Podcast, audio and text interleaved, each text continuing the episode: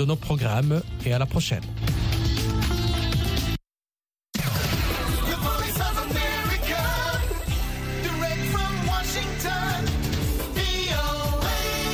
Sashen Hausa na muryar Amurka ke magana daga nan Washington DC. Masu sauraro, Assalamu alaikum. Hadiza kyari ce, tare da Yakubu Baba Makeri da sauran abokan aiki muka sake dawo a shirinmu na hantsi a yau ranar Alhamis biyu ga watan Maris na shekarar 2023. A cikin shirin za ku ji wata hira ta musamman da wakiliyar muryar Amurka Abuja Madina Dauda ta yi da masanin shari'a kuma kwararre a fannin kundin tsarin mulkin Najeriya. Wato barista mai nasara gogo Ibrahim Umar. Inda ya yi fashin baki akan abubuwa da dokar zaɓe ta shekara 2022 ta tanada da ya shafi bayyana sakamakon zaɓe da dai sauransu. Sai kuma shirin na kasa ba kasawa ba wanda Sulaiman Muni Barma ya shirya kuma zai gabatar. Daga nan za mu kawo muku muhimman sharhin jaridu daga ƙasar Ghana. Amma yanzu sai a gyara zama domin sauraron cikakkun labaran duniya.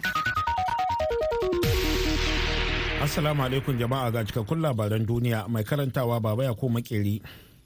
'Yan takarar shugaban kasa na jam'iyyun adawa a Najeriya sun ce za su kalubalanci sakamakon zaɓe da ya bayyana ɗan takarar jam'iyya mai mulki a matsayin wanda ya nasara a kotu.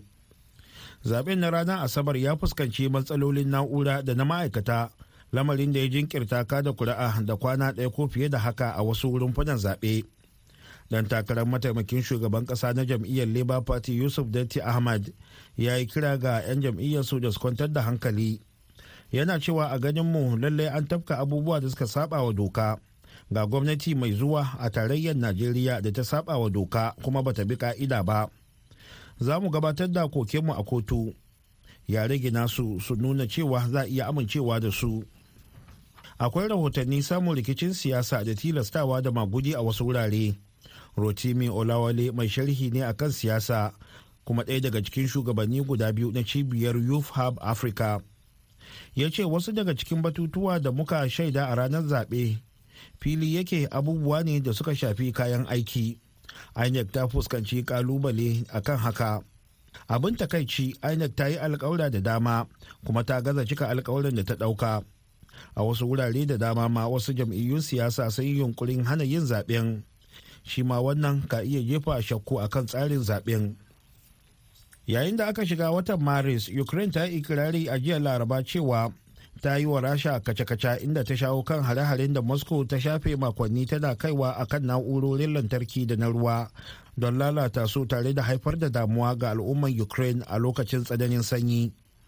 A ranar 1 ga watan maris shekarar 2023 shugaban rasha vladimir putin ya sake shan wani babban kayi in ji ministan harkokin wajen ukraine dmitry kuleba a shafin twitter. Duk da sanyi da duhu da hare-haren makami mai linzami ukraine ta dage kuma ta ci gaba da yin nasara a kan ta'addancin lokacin sanyi. Bugu da ƙari kuleba ya rubuta cewa turai bata daskare ba kamar yadda rasha take hasashe da kuma yin izgili. Yayin da ƙasashen yamma da ke kawance da ukraine suka daina sayan man fetur na rasha don amfanin cikin gida da kuma kasuwanci. Na gode wa abokan alakar mu don tsayawa da suka yi tare da ukraine. Labaran na zuwa muku ne daga nan sashen hausa na muryar amurka a birnin washington dc a jiya laraba hukumomin italiya da masu ceto na farko da kuma 'yan uwa da abokan arziki sun yi addu'a ga waɗanda hatsarin jirgin ruwa ya ritsa da su. Wanda ya sanadiyar mutuwar mutane akalla 65 an ajiye akwatunan gawarwakin waɗanda abin ya ritsa da su a wani filin wasa na cikin zaure a birnin croton da ke kudancin ƙasar tare da ƙananan akwatuna farare na ƙananan yara a cikinsu. Hukumomin italiya sun cafke mutum uku tare da neman mutum na huɗu wanda ake zargin su da safaran bakin hauren hasu 200 a cikin wani jirgin ruwan katako da ya farfashe kan duwatsu a kudancin italiya a ranar lahadi. Yawancin bakin hauren sun fito ne daga pakistan da afghanistan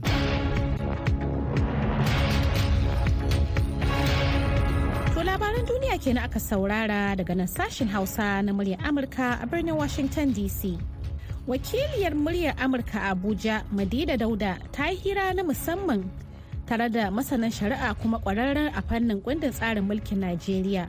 Barista mai nasara kogo Ibrahim Umar inda ya fashin baki akan abubuwan da dokar zaɓe ta shekarar 2022 ta tanada da ya shafi matakin bayyana sakamakon zaɓe da dai sauran abubuwa masu alaka. Ga da yadda hirarsu ta kasance. Barista mai nasara kogo Ibrahim Umar ikirari da aka yi na cewa ƙarƙashin kwaskwarima da aka yi ma dokar zaɓe ta najeriya akwai amfani da na'urori na fasaha na zamani da kuma al'amura da da suka shafi al'amuran yanar gizo da sauransu. To bai kamata a ce an yi wannan daɗewa din ba. A awa 24 zuwa awa 48 tsananin nisa. To yanzu mai doka ta tanadar ne a wajen ba da sakamakon zaɓe da har zai sa kila a ce wasu sun yi can jaras ya kai lokacin da za a iya yin shi zango na biyu? To wannan wani abu ne wanda yake mai sauƙi kuma ba mai sauƙi ba. Wato tsarin mulkin najeriya sashe na 134 shine ya taho da bayanin abubuwan da ke faruwa. Akwai sakin sashe na ɗaya wanda ya ce idan ɗan takara shi ɗaya ne tilau to abin da za a buƙata shine ra'ayin jama'a na i ko a'a. Idan ya samu mafi rinjayen ra'ayin jama'a a kuma mafi rinjaye din ya same su kuma biyu bisa uku na jihohin najeriya wato mafi karanci jihohi 24 to ya zama shi kenan shine shugaban kasa. Idan kuma 'yan takara sun wuce mutum ɗaya kamar yadda muke da shi a wannan muna da jam'iyyu goma sha takwas kowane na da dan takara. Idan 'yan takara sun wuce mutum ɗaya to za a yi la'akari ne da na ɗaya wanda yake yana da mafi rinjayen ƙuri'u. A alƙalumance. Sannan na biyu kuma bayan kana da wannan sai ka ce na biyu. Na biyu shine ka kasance kana da ƙuri'u ɗaya bisa huɗu wato kashi 25 bisa ɗari a jihohi da ba su gaza ma jihohi biyu bisa uku na jihohin najeriya ba da kuma birnin tarayya. To jihohi biyu bisa uku na najeriya mafi karanci shine jihohi 24 to sai kuma akwai wani abu wanda ya taho wanda yake ta gwaraya kan lauyoyi da masana da masu iya lissafi sai aka ce jihohi na Najeriya da kuma birnin tarayya Abuja. To a nan ana nufin bayan ka samu biyu bisa huɗu na jihohin sai ka samu ɗaya bisa huɗu na birnin tarayya ko ko an ɗauki birnin tarayya a matsayin cikin jihohin Najeriya ne to shine wanda kuma ya danganta ga yadda za a fasarta abun amma ban tsammanin zai zama takaddama sosai ba. To kana cewa ba zai iya zama takaddama ba to in ya zama takaddama fa. Ko da zai iya zama in aka ce sai an samu ɗaya bisa huɗu na jihohin.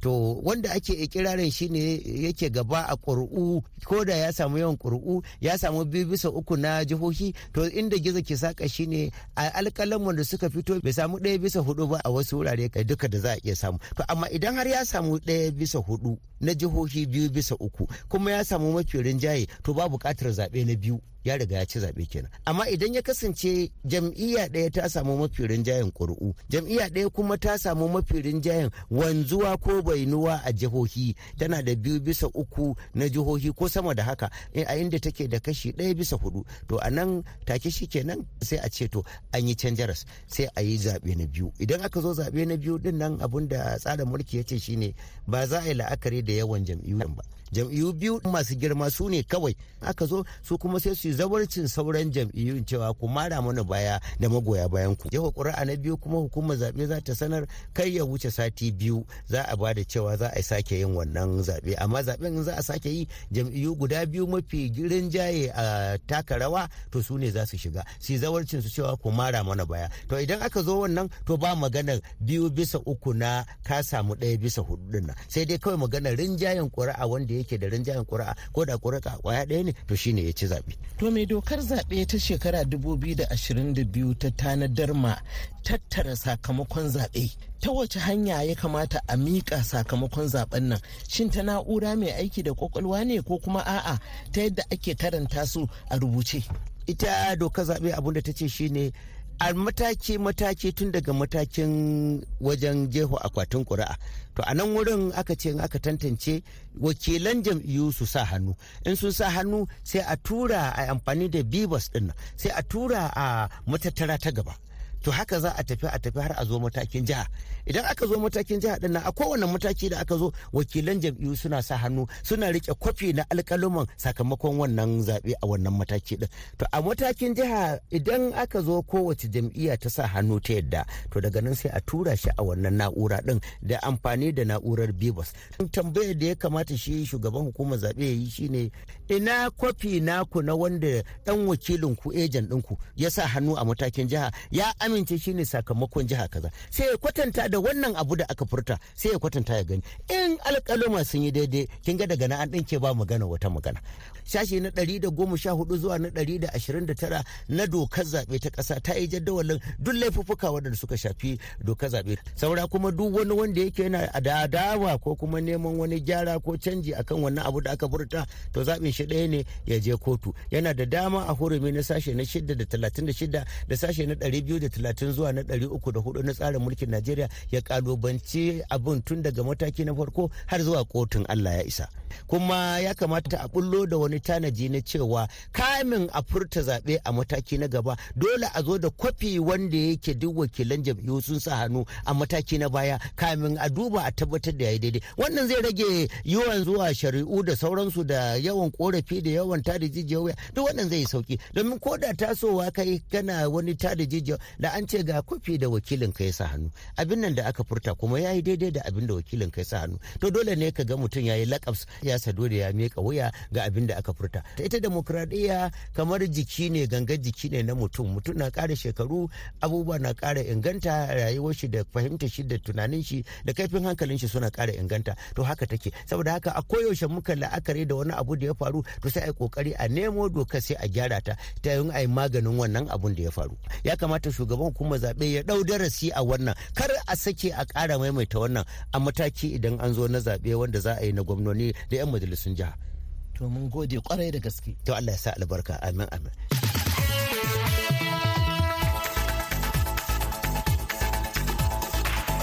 wakiliyarmu ke na madina dauda a tattaunawarta da masanin shari'a kuma kwararre a fannin kundin tsarin mulkin najeriya barista mai nasara koga ibrahim umar har yanzu dai kuna tare ne da sashen hausa na murya amurka daga na birnin washington dc yanzu kuma ga baba ya dawo da kashi na biyu na labaran duniya. Kusan watanni biyu da buɗe kan iyakar myanmar da china tsakanin muse da birnin roli na ƙasar china. Akalla sama da mutum dubu uku ne suke tsallakawa a kowace rana. Yawancinsu suna kan hanya zuwa aiki a china a cewar alkalumar hukuma. Yayin da hukumomin china suka ɗage dokokin annobar covid-19 tsallaka iyakar ruli yana buƙatar gwajin sa'o'i 48 kawai ne da zai tabbatar da mutum baya ɗauke da cutar da takardar satifike ta shiga wurin kwastam in ji muang wing wani ɗan kasuwan ƙasar waje daga myanmar yana shaidawa kafar yada labaran ƙasar china. Tsallaka iyakan yana da sauƙi sosai wurin shige da fice. Adadin mutane da ke tsallaka kan iyaka a kowace rana tun lokacin da aka sake budewa a ranar 14 ga watan janairu ya ninka sau uku idan aka kwatanta da zirga-zirga a kan iyakan a lokacin annobar covid-19. Lokacin da dubban ma'aikata daga bama suka yi tururuwa zuwa neman ayyukan yi a cibiyar masana'antar ruli an samu karuwar ayyukan gine-gine da masana'antar noma a yammacin lardin yunan garin na ruli na tsananin buƙatar dawowar aiki mai arha bayan ɗage dokar annobar. A ƙarshe a jiya laraba 'yan sandan isra'ila sun harba gurneti da ruwan zafi akan masu zanga-zanga da suka tare babbar hanyar tel aviv. Sa'annan masu zanga-zangar sun yi aron gama da 'yan sanda a kusa da gidan shugaban isra'ila yayin da zanga-zangar adawa da gwamnati ta rikide zuwa tashin hankali a karon farko. Wannan al'amarin da ya faru a cikin dare an kira 'yan sanda da dama don fitar da matan Netanyahu daga wani wurin gyaran gashi da masu zanga-zanga suka yi wa ƙawanya. Dubban mutane ne a faɗin ƙasar suka gudanar da abin da suka kira ranar kawo cikas ga ƙasa. Wanda shine na baya-bayan nan a cikin jerin zanga-zangar adawa da shirin Netanyahu na yin garan bawul a ɓangaren shari'ar Isra'ila tare da raunana kotun kolin ƙasar ya haifar. Shirin ya fuskanci suka daga bangarori da dama na al'ummar isra'ila da kuma roƙon da ƙawayen isra'ila na ƙasashen waje suka yi cewa netanyahu ya sassauta. Guguwar tashin hankalin da ba saba gani ba tsakanin isra'ila da falasɗinawa a yankin yammacin gabar kogin jordan da ake mamaye da shi ya taimaka wajen rura wutar tashin hankalin yayin da mazauna yankin yammacin kogin jordan masu tsatsauran ra'ayi suka yi kace-kace da wani gari na falasɗinawa a farkon makon nan.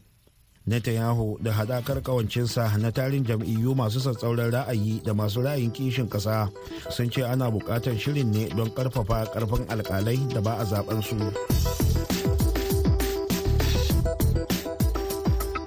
Labaran duniya kenan aka saurara daga nan sashen Hausa na muryar Amurka a birnin Washington DC.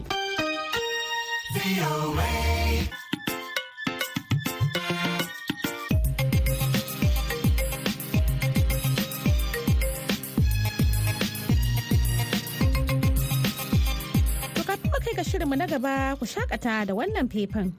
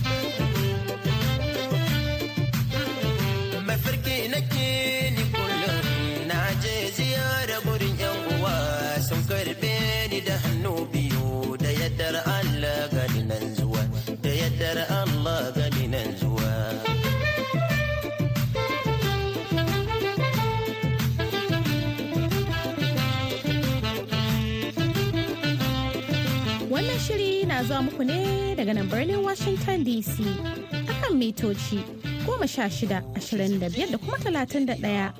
A jamhuriyar Nijar kuma za a iya sauraron mu a tashar mata VOA Africa akan mita ɗari da biyu da ɗigo biyar. Baya ga haka a koda shi ake so za a iya zuwa shafuka mu na intanet a voahausa.com amurka.com ko kuma sashen hausa.com. yanzu kuma sai shirinmu na gaba. Nakasa. Nakasa. Nakasa. Ba kasawa ba.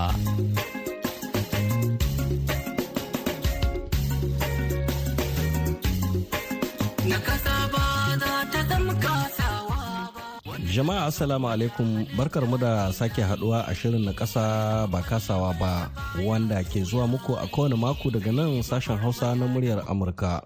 Sunana Sule Mumuni Barma.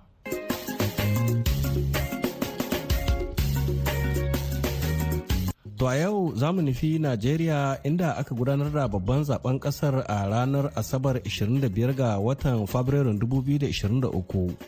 Yanayin da masu buƙata ta musamman suka yi nasu zaɓen shine abin da shirin na wannan mako ke mai da hankali a kansa. Saboda haka zan koma gefe in barku da wakilin sashen Hausa a Sokoto da Kebbi Muhammad Nasir don jin yadda ta kaya a waɗannan jihohi na yankin Arewa maso yamma. Irin yadda hayaniya ta kace ne kenan a lokutan zaɓen da ya gabata na shugaban ƙasa da majalisun dokokin tarayyar najeriya a mafi yawan rumfunan jefa ƙuri'a da ke jihohin ƙasar. A cikin wannan yanayin na ci karo da wani makaho a gefen wata rumfar jefa ƙuri'a a jihar sokoto. Yana tunanin yadda zai iya jefa ƙuri'arsa. ya sunanka? Aminu yusuf. Abin yusuf na gane ka da lalura ta rashin gani. Ga ka wurin jefa ƙuri'a. Ya yanayin yake gare ka nan? To ga muna cikin jiran abin da jiran a ba mu dama mu jiya. Tun yaushe haƙe nan? To na to ɗazu sun ka ce ta a jima in dawo ne yanzu kuma na dawo kuma abin har yanzu bai samu ba. An ce za a yi muku tanadin takardar jihar ƙuri'a wadda ku za ku lalabawa ku ji. Ko kana labarin an kawo irin ta? To shi abban sani ba to yanzu menene fata ka yanzu abin na fata ta in samu dama a bani in wuri in dan botin din da za haka ma a wata rumfa na tare da wani mai lalura ta musamman ya rasa yadda zai samu dama ta yin zaɓe. sunana abubakar muhammad. Ni gurmu ne. Ka samu dama yin zaɓe? Gaskiya ban samu dama yin zaɓe ba. Saboda me? Saboda dai na isa wurin na ga ana cunkuce-cunkuce da hwadace-hwadace hakan ga dai abin da kamar hankalin bai kwanta ba dai. Sai ni dan jayi saboda ban iya shiga irin wannan rikice-rikicen da aka yi wurin zaɓen. Shi ne sa kawai gaskiya. Amma hukumar zaɓe ta ce duk masu lalura ta musamman da sun taho a ba su dama su yi. Ko kai musu bayanin wannan haka? To ban samu isa wurin ba gaskiya saboda cinkoson da akwai.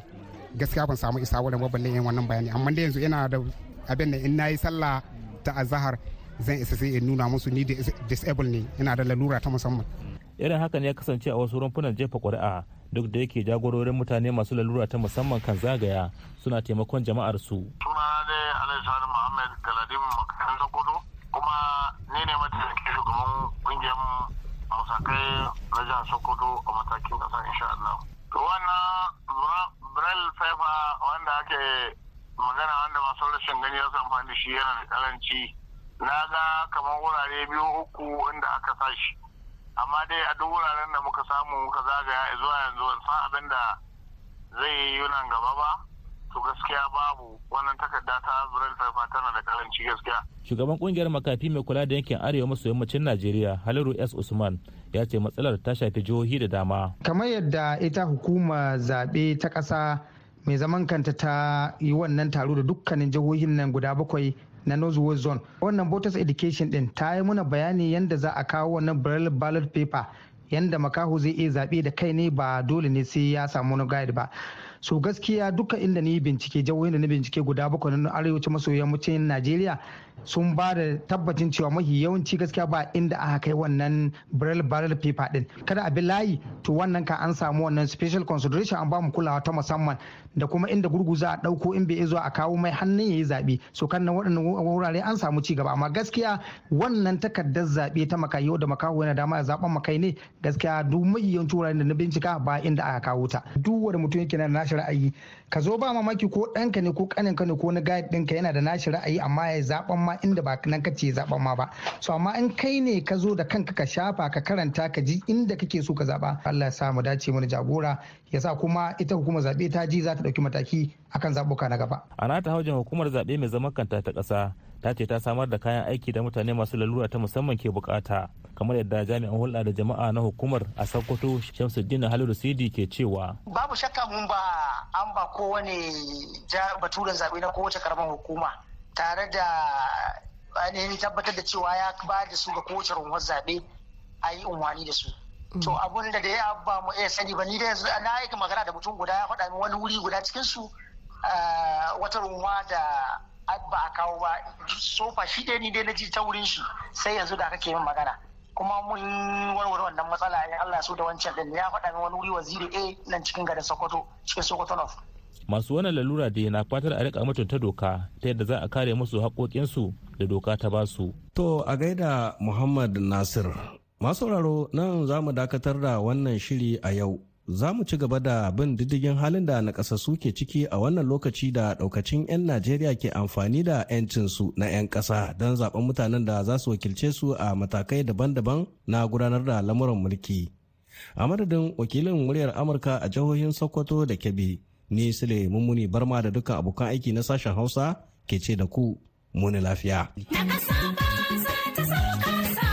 a gaida malam sule yanzu kuma lokaci ne da Ridwan Abbas zai kawo mana sharhin jaridu daga ƙasar Ghana.